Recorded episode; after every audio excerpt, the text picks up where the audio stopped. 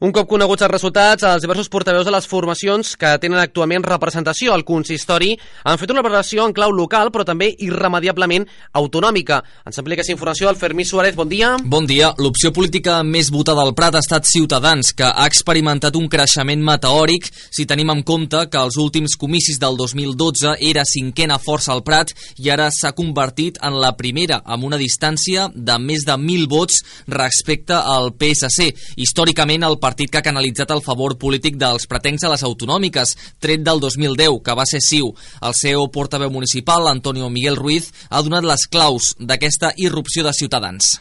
Pues a no engañar con el mensaje. Nosotros hemos llevado un mismo mensaje en todos los municipios. Hemos sido hemos seguido el, el mismo criterio, municipio por municipio, no, no, no hemos hecho ningún tipo de guiño hacia opciones independentistas, como otras formaciones próximas a nosotros han podido hacer en algunos ayuntamientos.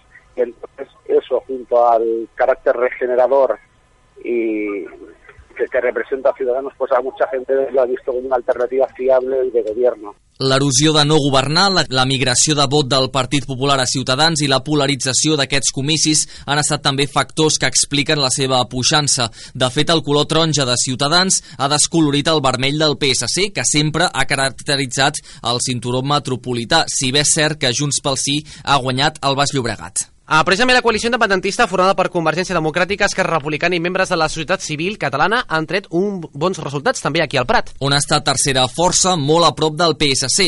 La portaveu de Convergència al Prat, Imma Llopis, ha valorat de forma molt positiva els resultats i ha reconegut que l'independentisme ha calat al Baix Llobregat.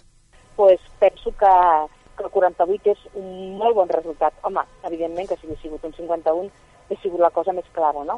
però al fi al cap s'ha fet el que ens han deixat fer, no? Fer unes eleccions autonòmiques una mica especials que, que han donat el resultat que han donat, no?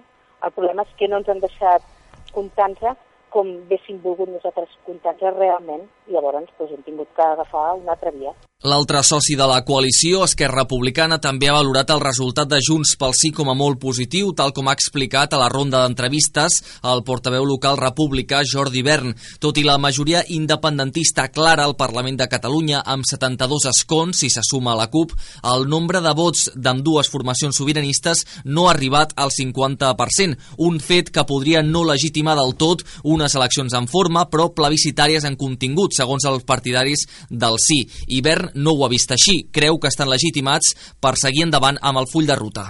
Jo estic convençut que és legítim. I per què? Perquè d'entrada tots els governs que hem tingut tant a Catalunya com a nivell de l'estat espanyol, eh, degut a la llei electoral que hi ha, doncs es mou a través dels escons. Mai es mira si el tant per cent en vots és suficient o no suficient, sinó si tu tens majoria de vots. Uh -huh. Eh, ai, d'escons, disculpa, eh, fas govern i marques una política X del partit aquell en concret. Junts pel Sí suma 62 escons al Parlament català, que són 9 menys que els que tenien Convergència i Unió i Esquerra Republicana a la darrera composició del Parlament. És a dir, atenent aquest criteri, ha hagut una pèrdua de 9 diputats, molts dels quals han anat a parar a la CUP, que ha passat de tenir 3 representants a 10. Hivern ha tret ferro a l'assumpte, s'ha alegrat per l'empenta obtinguda per la CUP i ha destacat que la qüestió era sumar i no mirar-se al malic. D'altra banda, PSC, Iniciativa per Catalunya vers Esquerra Unida i Alternativa i CP de Prat també han fet valoracions semblants. Sí, han convergit en un element, el fet de ser partits que s'han trobat enmig d'un foc de trinxeres, d'escenari polaritzat i de postures radicalitzades al voltant de la qüestió independentista. El PSC segueix descolorint-se amb el pas dels anys, tot i que sobreviu i aguanta la patacada. Juan Pedro Pérez és el portaveu socialista al Prat.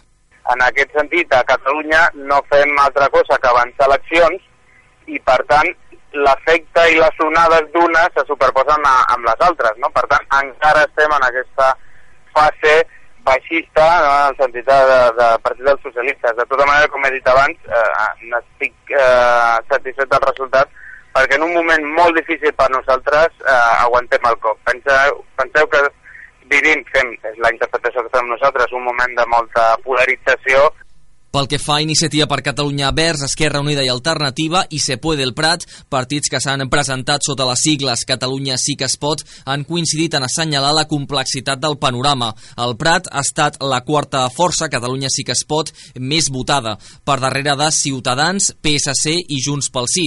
Aquesta era la valoració que feia el portaveu d'Iniciativa al Prat, Rafael Duarte, a l'especial d'eleccions que va emetre aquesta casa. Les expectatives nostres era obtenir un millor resultat però bueno, la conjuntura realment ha sigut molt complicada i tot l'efecte que nosaltres hem intentat doncs, eh, fer en aquestes eleccions amb aquesta coalició de Catalunya sí que es pot, pues, segurament ens ha permès mantenir els resultats anteriors. Probablement, si no fos per aquesta coalició, pues, potser que tindria pitjors resultats, no ho sabem, això no ho sabrem mai, és política ficció. De la seva banda, la portaveu de Se Puede el Prat, Sandra Daza, ha explicat que a la seva coalició li ha perjudicat el caire plebiscitari de les eleccions, tot i que durant tota la campanya han reiterat que les afrontaven com uns comicis convencionals. Se lanzó estas elecciones en consigna eh, plebiscitaria de un sí y un no, eh, es lo que se ha mm, difundido continuamente en los medios de comunicación, eh, se ha impuesto el, el, poderío económico en la campaña a, al, no poderío económico y, y, bueno, y lógicamente pues aceptamos el, el resultado.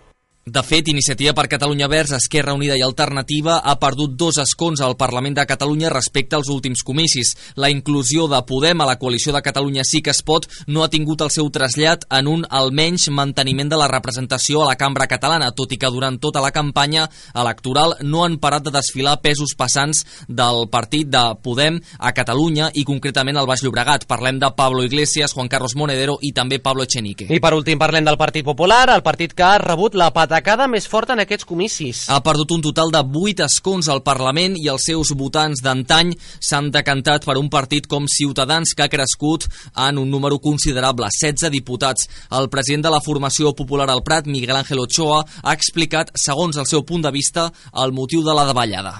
Se refiere a una política que han tenido que hacer el Partido Popular, el gobierno del Partido Popular, para salvar, para salvar una crisis económica producida por una mala gestión de los partidos, los partidos socialistas y el ciudadano nos, nos premia o nos castiga, mejor dicho, con, con una desconfianza hacia nuestro voto.